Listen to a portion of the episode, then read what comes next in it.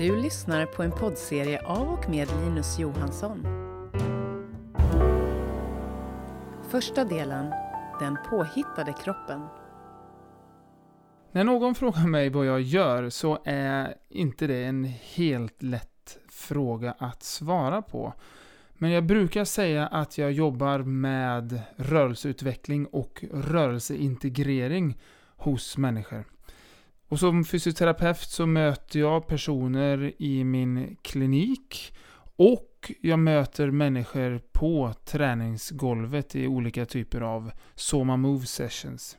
Och i just det här podcastavsnittet så tänkte jag att vi skulle dyka lite djupare in i just den här bilden som jag har av den mänskliga kroppen. Och jag vill vrida och vända lite på principer, termer, tankar, idéer och jag vill ta med dig på de insikter och de förståelser som jag har gjort.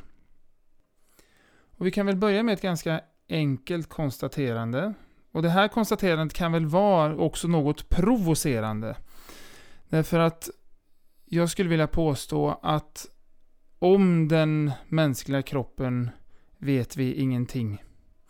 Allting som vi tror vi förstår och vet om den mänskliga funktionen, den mänskliga rörelseapparaten eller det mänskliga varandet överhuvudtaget, i vilken typ av filosofisk fråga du än vill, så är det bara tolkningar. Det är ju tolkningar av de intryck vi har kring oss själva.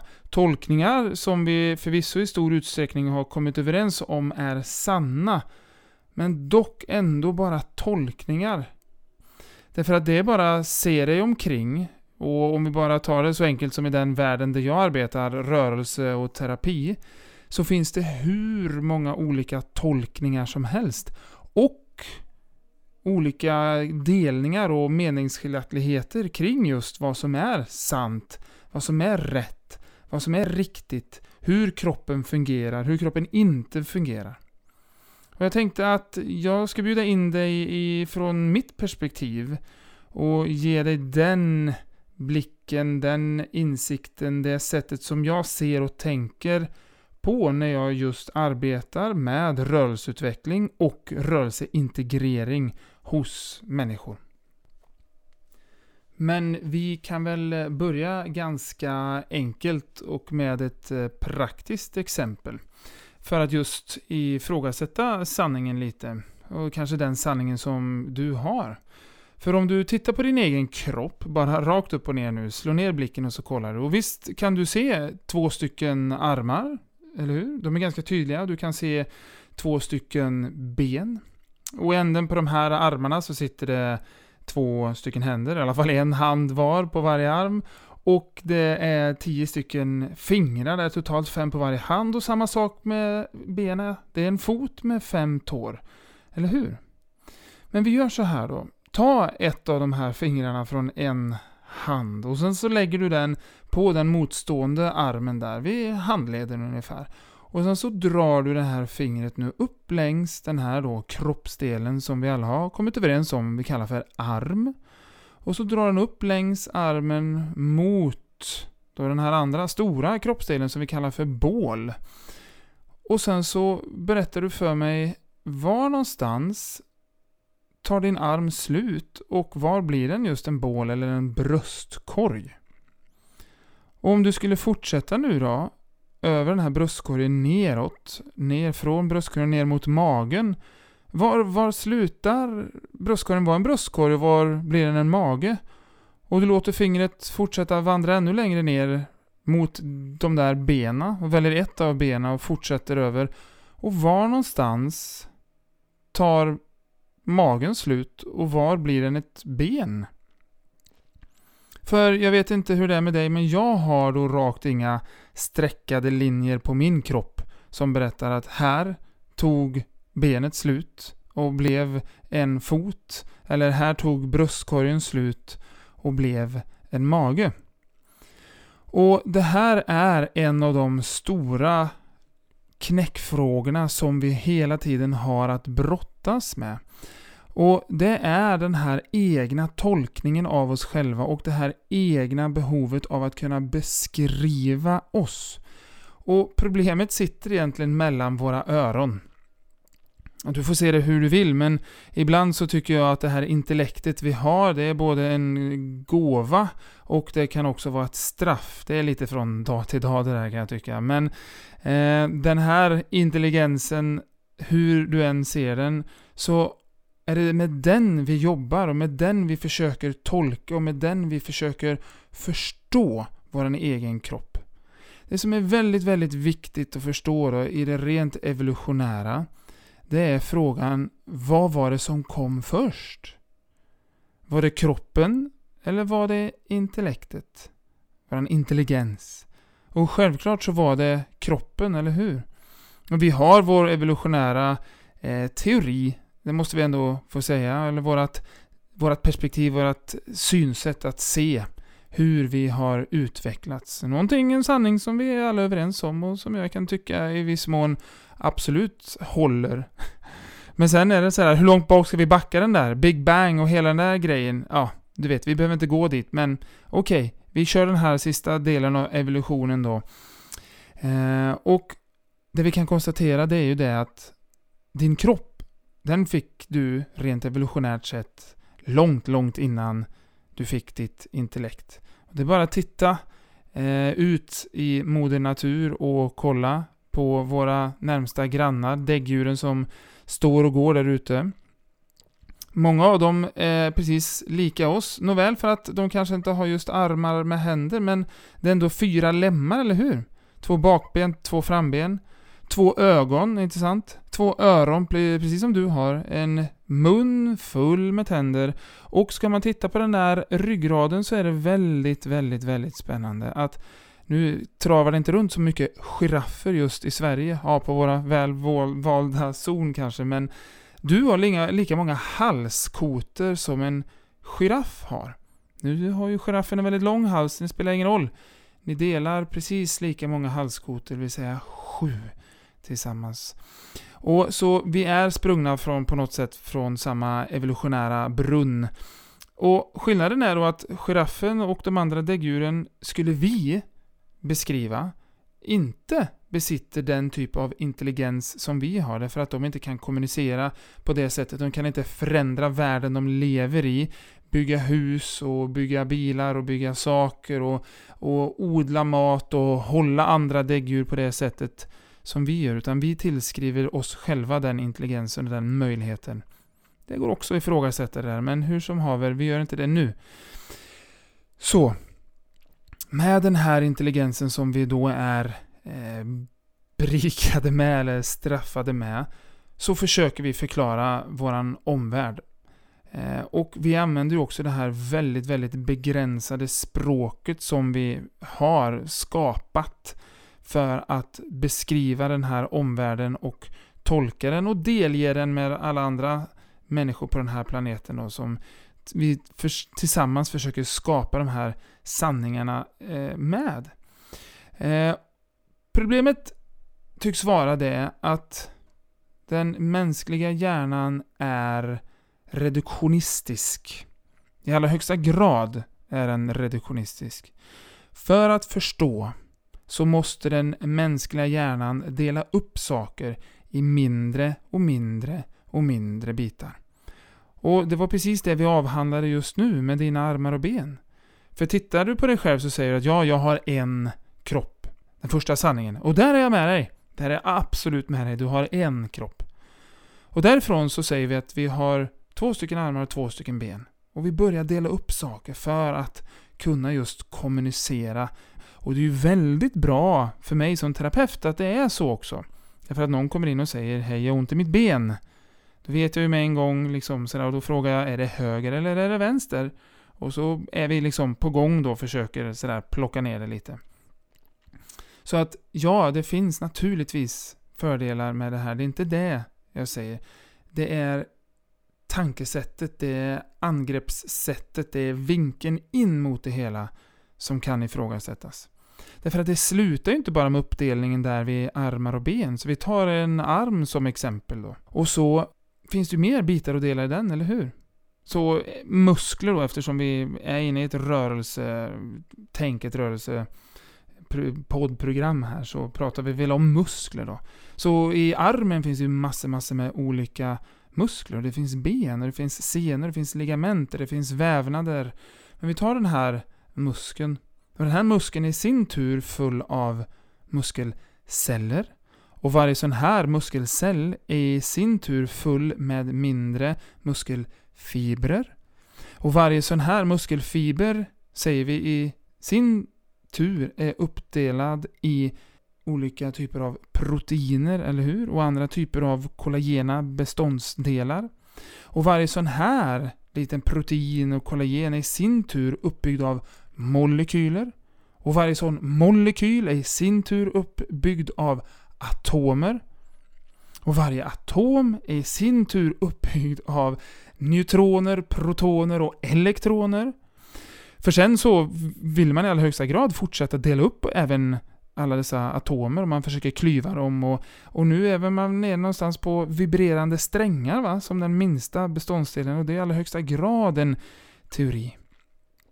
Och det här är så vi vill jobba hela tiden, eller vi och vi, men vårt intellekt hela tiden styr oss och driver oss mot den här uppdelningen. Och min teori kring varför det har blivit så här, det är att den här intelligensen, den kommer ju inte till oss från en dag till en annan, utan den, den steg ju gradvis naturligtvis. Och en väldigt stor del i den mänskliga eh, varelsens intelligens utveckling, det är den här förmågan att vi har kunnat bygga oss skydd och bon och eh, mot vädrets makter har vi kunnat fly genom att vi har byggt hus, hyddor, av just bitar och delar. För att just motstå Moder Naturs vilja att mer eller mindre ha ihjäl oss hela tiden med kyla och med regn och med oväder och så vidare. Vårt språk utvecklades, vi började kunna kommunicera, vi började kunna lära ut hur man kunde bygga hyddor och skydd på bättre ställen, närmare där det fanns mat. Så man inte behövde gå så långt från grottan kanske till närmaste födoställe, utan man kunde bygga sitt skydd, sin lilla hydda, sitt hus till slut då. Nära ett vatten där det fanns eh, djur som kom, eller där det växte det som man kunde äta och så vidare. Och det här är ju den teknologi som egentligen förenar alla människor på den här planeten. Att vi har skapat den här förmågan att bygga oss ett hem. Och sitter du inte i ett hus precis just nu så, och du inte är längst ute i skogen och lyssnar på det här poddavsnittet så ser du i alla fall ett hus någonstans precis nu. För det är den här gemensamma skapelsen som vi alla har, som vi har byggt av bitar och delar. Ett hus, ett skydd, är inte en organisk sak som har vuxit upp ur Moder Jord, utan det är någonting som vi har skapat av bitar och delar. Efter ett tag när man har suttit i de här husen tillräckligt länge, eller man har suttit när vi satt tillräckligt länge i de här husen, och vi lyckades med den här agrikulturen, vi lyckades odla och skaffa oss mat just precis runt husknuten, så vann vi något väldigt speciellt och det var tid. Så vi kunde sitta i våra hus och fundera och grubbla väldigt länge och mycket. Och behovet av att just beskriva oss själva dök ganska snart upp.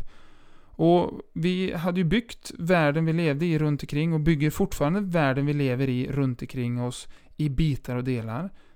Så det mest logiska tog ju vara då att försöka beskriva även kroppen som bitar och delar.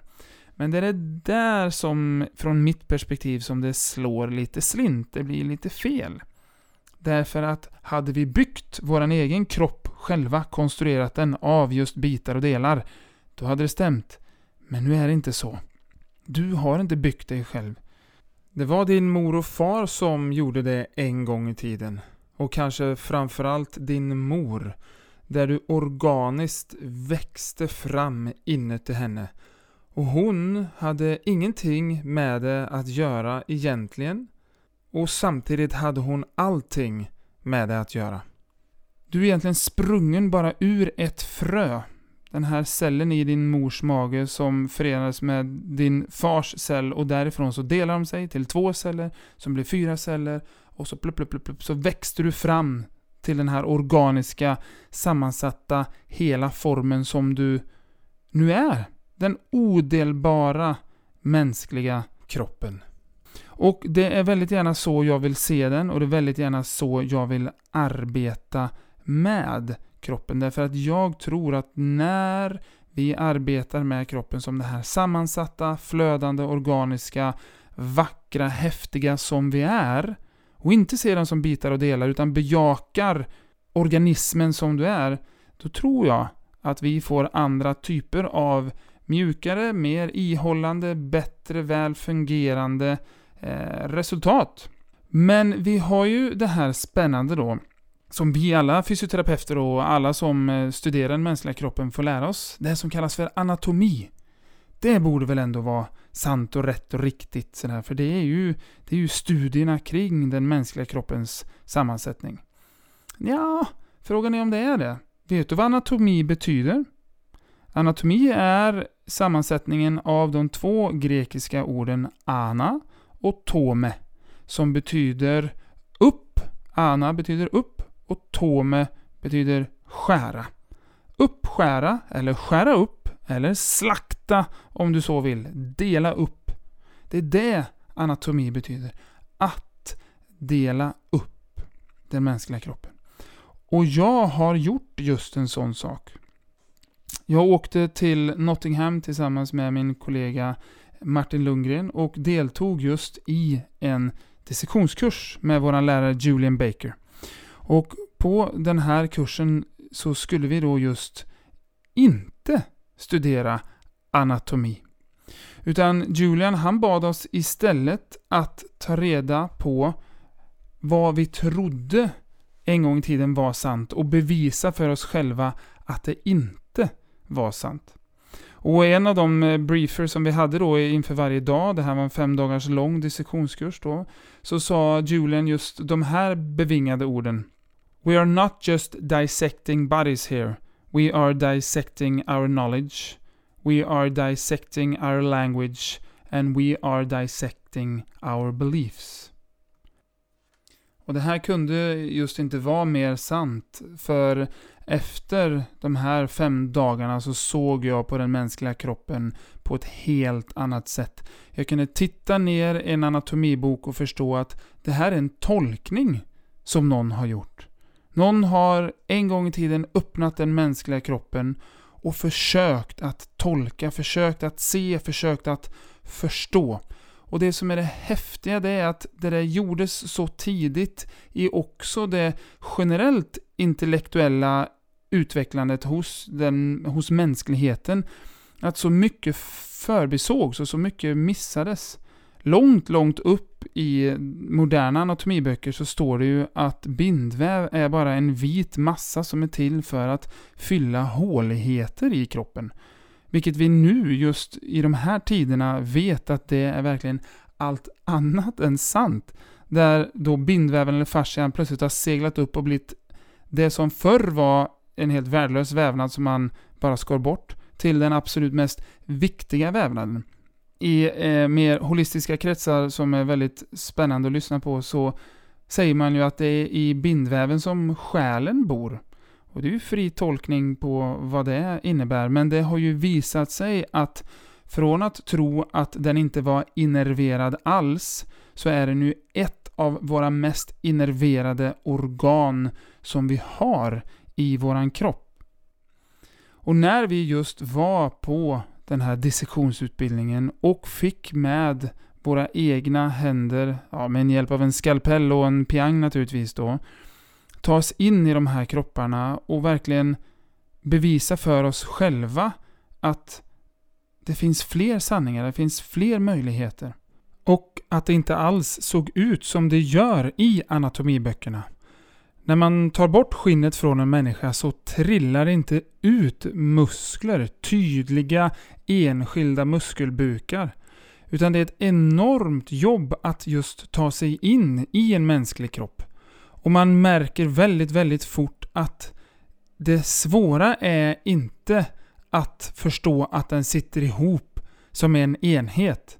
Det svåra är att dela upp den i mindre enheter. Att bestämma var går de här linjerna, var drar vi gränsen för när den här muskeln tar slut och när nästa börjar och det här lagret tar slut och när nästa lager börjar.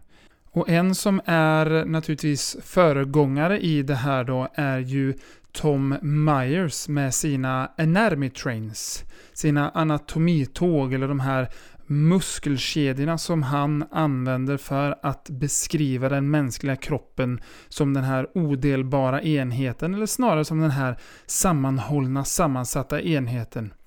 Nu är ju inte Tom först med att göra det här. Det är många innan honom som har sett och beskrivit det på det här sättet. Men Tom är faktiskt den första som har gjort en kartläggning och en beskrivning av just sammansättningen av de här kedjorna som han ser i kroppen och som har blivit accepterad. Framförallt i det här rörelselägret, det mer holistiska terapeutiska lägret, så kan man se, förstå och anamma det här i praktiken på ett helt annat sätt. Och Tom, han är inte den sista som erkänner att just den här bilden som han ger också är en tolkning. Och det är en tolkning som i just det fallet används mycket inom terapi och rörelse för att just skapa och ge en bild av det sammansatta, av det sammanhållna. Och där man förstår att om man skapar förändring på ett ställe så kan man också tack vare det få effekt på ett helt annat ställe i kroppen. Och det är ju tack vare förklaringsmodeller som Toms som ger oss nya perspektiv. Mer holistiska perspektiv som vi kan arbeta med. Som tar oss bort från det reduktionistiska tänket. Och det är det som är hela grejen med rörelseintegrering. Att man arbetar med kroppen som en enhet. Och inte en enhet som är fylld med fel och problem och tillkortakommanden, utan en enhet som är fylld med möjligheter, potential och förmåga till utveckling. Och det är tack vare de här mer holistiska formerna, tolkningarna, som man då kan också bejaka det sättet att se och arbeta på. Och det är också här det intressanta fortsätter. Därför att vad vi väldigt gärna gör också, framförallt när vi pratar om rörelseapparaten, det är ju att koppla bort huvudet. Det räknas inte ens in. Psyket räknas inte ens in när man har ont i ett knä. För varför skulle hur man mår, eller hur man tänker eller ser på sig själv spela någon större roll kring hur ett knä fungerar? Ja, och det är naturligtvis också sant och samtidigt inte sant. Och det är det som är det spännande då, därför att har du en sprucken menisk så behöver det naturligtvis inte hänga ihop med att du är deprimerad. Eller? Det kanske det visst har. Och det är det här som är den spännande biten, att när vi exkluderar, då riskerar vi att missa någonting. Men när vi inkluderar, då garanterar vi att vi inte missar någonting. Och ja, jag förstår att i en pressad vård och i ett system där resurserna inte räcker till så kan vi inte inkludera allting därför att då funkar det inte. Det blir för mycket tid, det blir för mycket energi, det blir för mycket pengar ut. Men då måste vi som tror på det här hitta vägar att jobba igenom för att det ska bli inkluderande erbjuda plattformar där man kan bli total inkluderad och se och förstå det här. Och en väldigt stor del i det här då, det är att se den mänskliga kroppen som ett system. För system är väldigt, väldigt, väldigt spännande. Och system finns runt omkring oss hela tiden. Du bor till exempel i ett, det kallas för ett samhällssystem, eller du verkar och finns i ett, kanske man ska kalla det, samhällssystem. Bor du i en familj så är ni också ett litet system. Eh, har du en dator eller en telefon som du sitter och fipplar med så är där i också ett så kallat operativ system, eller hur? Överallt, överallt, överallt så finns det system av olika slag. Så här är det med system. De mår väldigt bra av en sak och de mår väldigt dåligt av en annan sak. Ett system mår väldigt bra av integrering. Ett system mår väldigt dåligt av segregering. Ska vi bara ta vårt svenska samhällssystem som ett exempel då, så ser vi väl tyvärr just nu i alla fall att segregeringen är större än vad integreringen Även om vi är fullt medvetna om det så, så har vi inte lyckats fullt, men det räcker med att vi förstår det så kommer vi lyckas till slut att få ett samhälle som är väl integrerat och väl fungerande. Men det är bara ett kallt exempel på hur det faktiskt är. Och samma sak är det med den mänskliga kroppen och det mänskliga rörelsesystemet. Att när det är väl integrerat, när allting är inkluderat, det är då det fungerar så optimalt och så bra som bara går. Därför att det är nämligen det är så det är ment att det ska vara. Men tyvärr så hugger vi upp kroppen i olika delar med vårt intellekt och segregerar den. Psyket är en sak för sig, benen är en annan sak och smärtan är en tredje sak och inte har de någonting med varandra att göra. Eller så har de allting med varandra att göra. Och det är det här som är det spännande, att man måste då hitta plattformar, man måste ha ingångarna, tolkningarna för att göra det ganska enkelt då.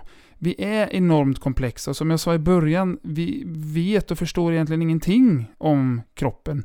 Allting är tolkningar, så är även mitt naturligtvis. Allting som jag ser är också en tolkning, men jag har en tolkning från ett perspektiv där jag vill någonting annat. Där jag vill integrera och inkludera. Och därför blir det lite annorlunda.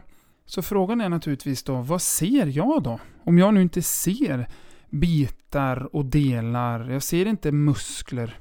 Vad är det jag ser? Jag ser rörelse. Det är det jag ser. Eller jag ser snarare potential till rörelse. Och jag ser förmågan hur jag kan integrera rörelse in i den mänskliga kroppen. För det ska du veta att det är det enda du är till för. Att röra på dig. Om man ska backa tillbaka det evolutionära bandet och titta lite på den mänskliga organismens syfte på den här planeten, så är det att knata runt en liten stund, käka, överleva, hitta någon att föröka sig med, lyckas förökas och få de här ungarna att hamna i ett sånt skick att de också kan knata runt, hitta någonting att käka och hitta någon att föröka sig med. Där har du the circle of life. Det där gäller alla andra organismer.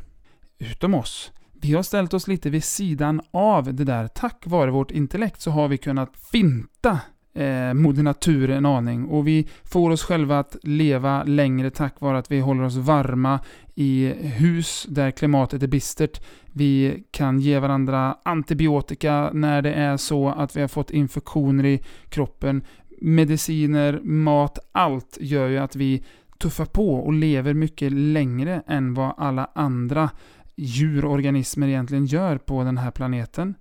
Men det där är någonting som har hänt bara de senaste tusen åren. Och det som är så viktigt att förstå det är att du är ju ett resultat av flera miljoners år av evolution. Så djupt inne i dig så är det fortfarande den här genetiken som bara vill att du ska knata runt, äta och föröka dig. Inget mer. Och jag vet att det där är du intresserad av. Eller hur? Du tycker om promenader, du tycker om lunch och du tycker om det där andra också, eller hur? Mm, hur som haver.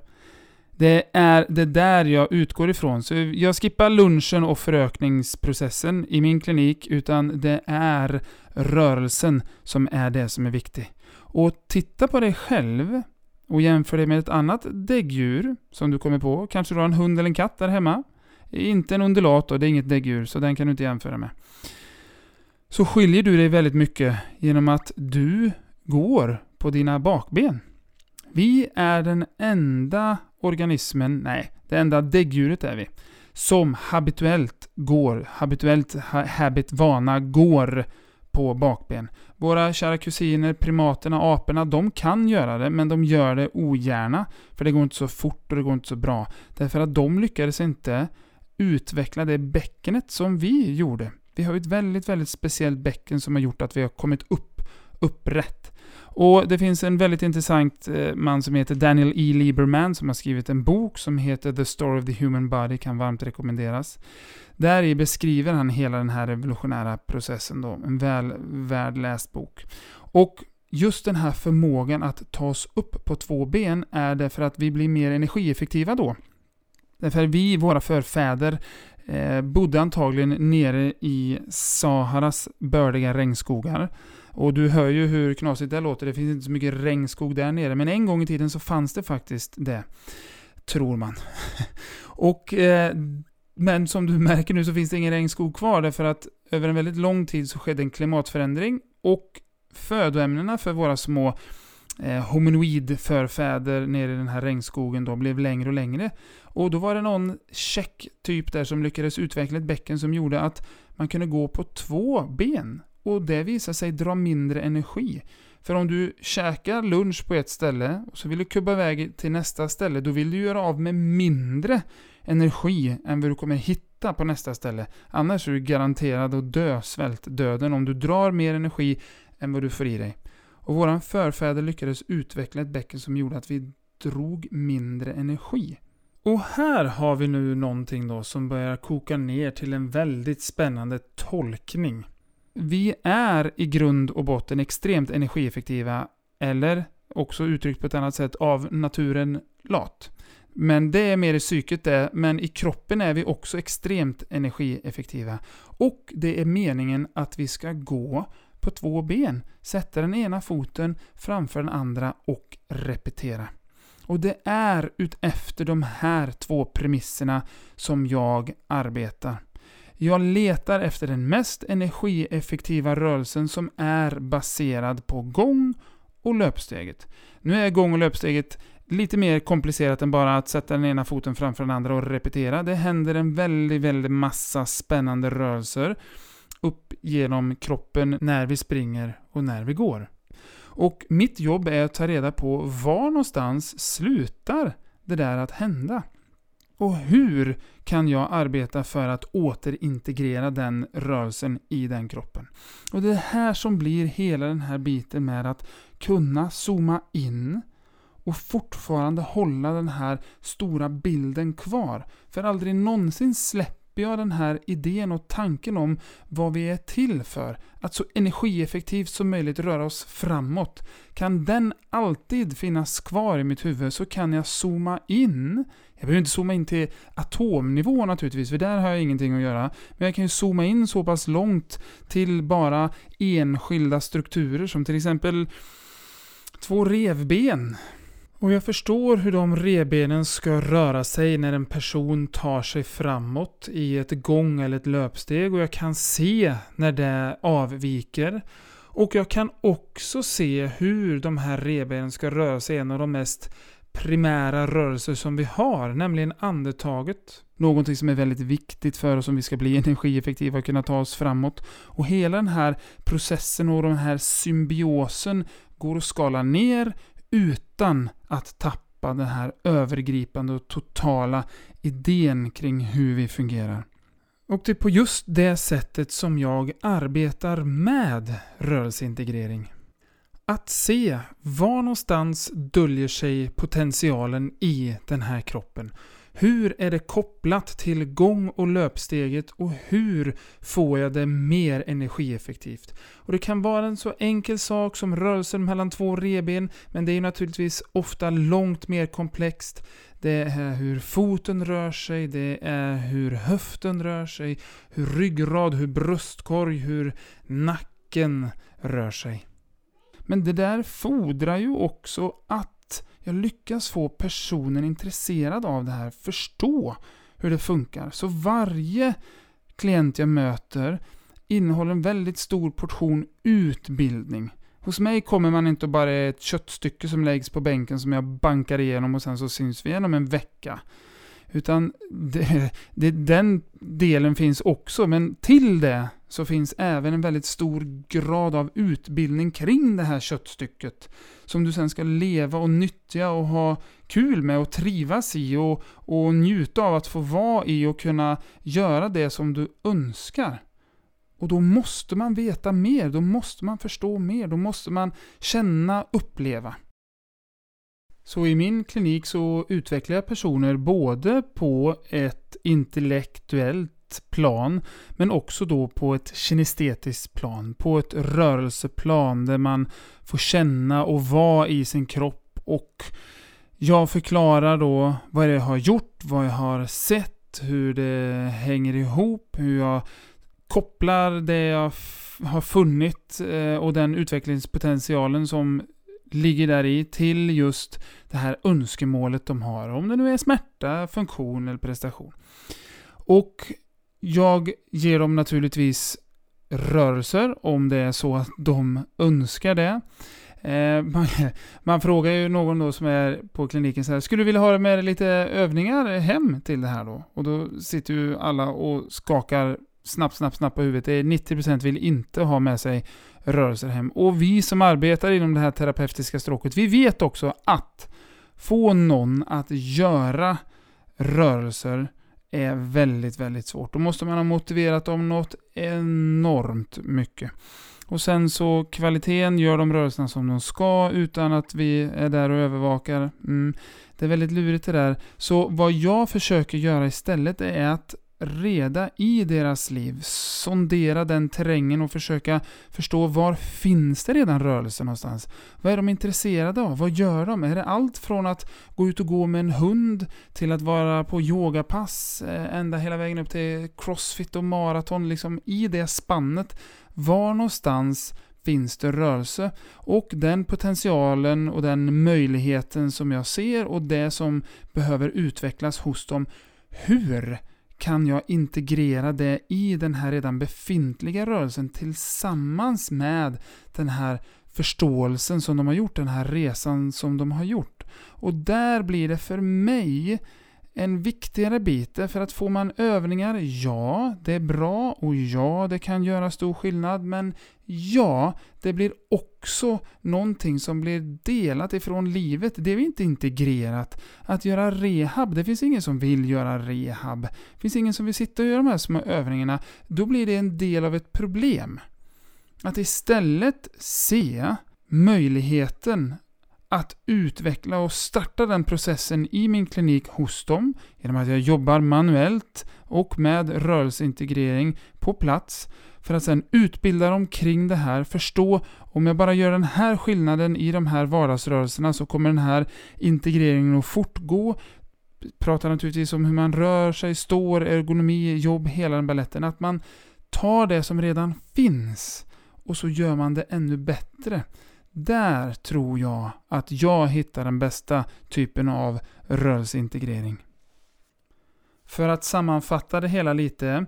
Jag ser människan som ett system. Ett system som är beroende av att allt som finns där i är med och bidrar. Och jag ser mitt uppdrag som att ta reda på var någonstans finns den här möjligheten för mig att gå in i det här redan bra systemet och göra det ännu bättre. Att få de här små sakerna att jobba tillsammans. Och det som är så spännande är att när man gör ganska små förändringar hos en människa, jag får den här foten att fungera lite bättre, jag får den där höften att eh, göra som den ska och jag lyckas att plantera positiva tankar och idéer i huvudet på den här personen kring sin egen kropp. Då kan det hända ganska mycket spännande saker. Och integreringen är det absolut viktigaste. Och få personer också förstå det. Segregeringen är det absolut farligaste.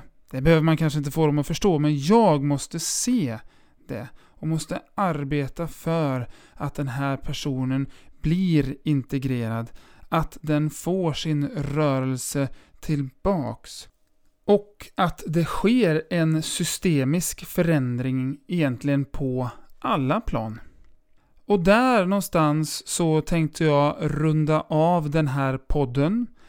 Nu har jag bjudit in dig och du har förhoppningsvis fått en liten insikt och förståelse kring hur jag jobbar och hur jag ser den mänskliga kroppen och hur jag vill att en person ska få möjlighet att uppleva sin kropp. Vidare i den här poddserien så tänker jag dyka lite djupare in i väl valda ämnen och diskutera dem. Du har lyssnat på en podd av och med Linus Johansson. För att komma i kontakt och läsa mer besök friskgymnasten.se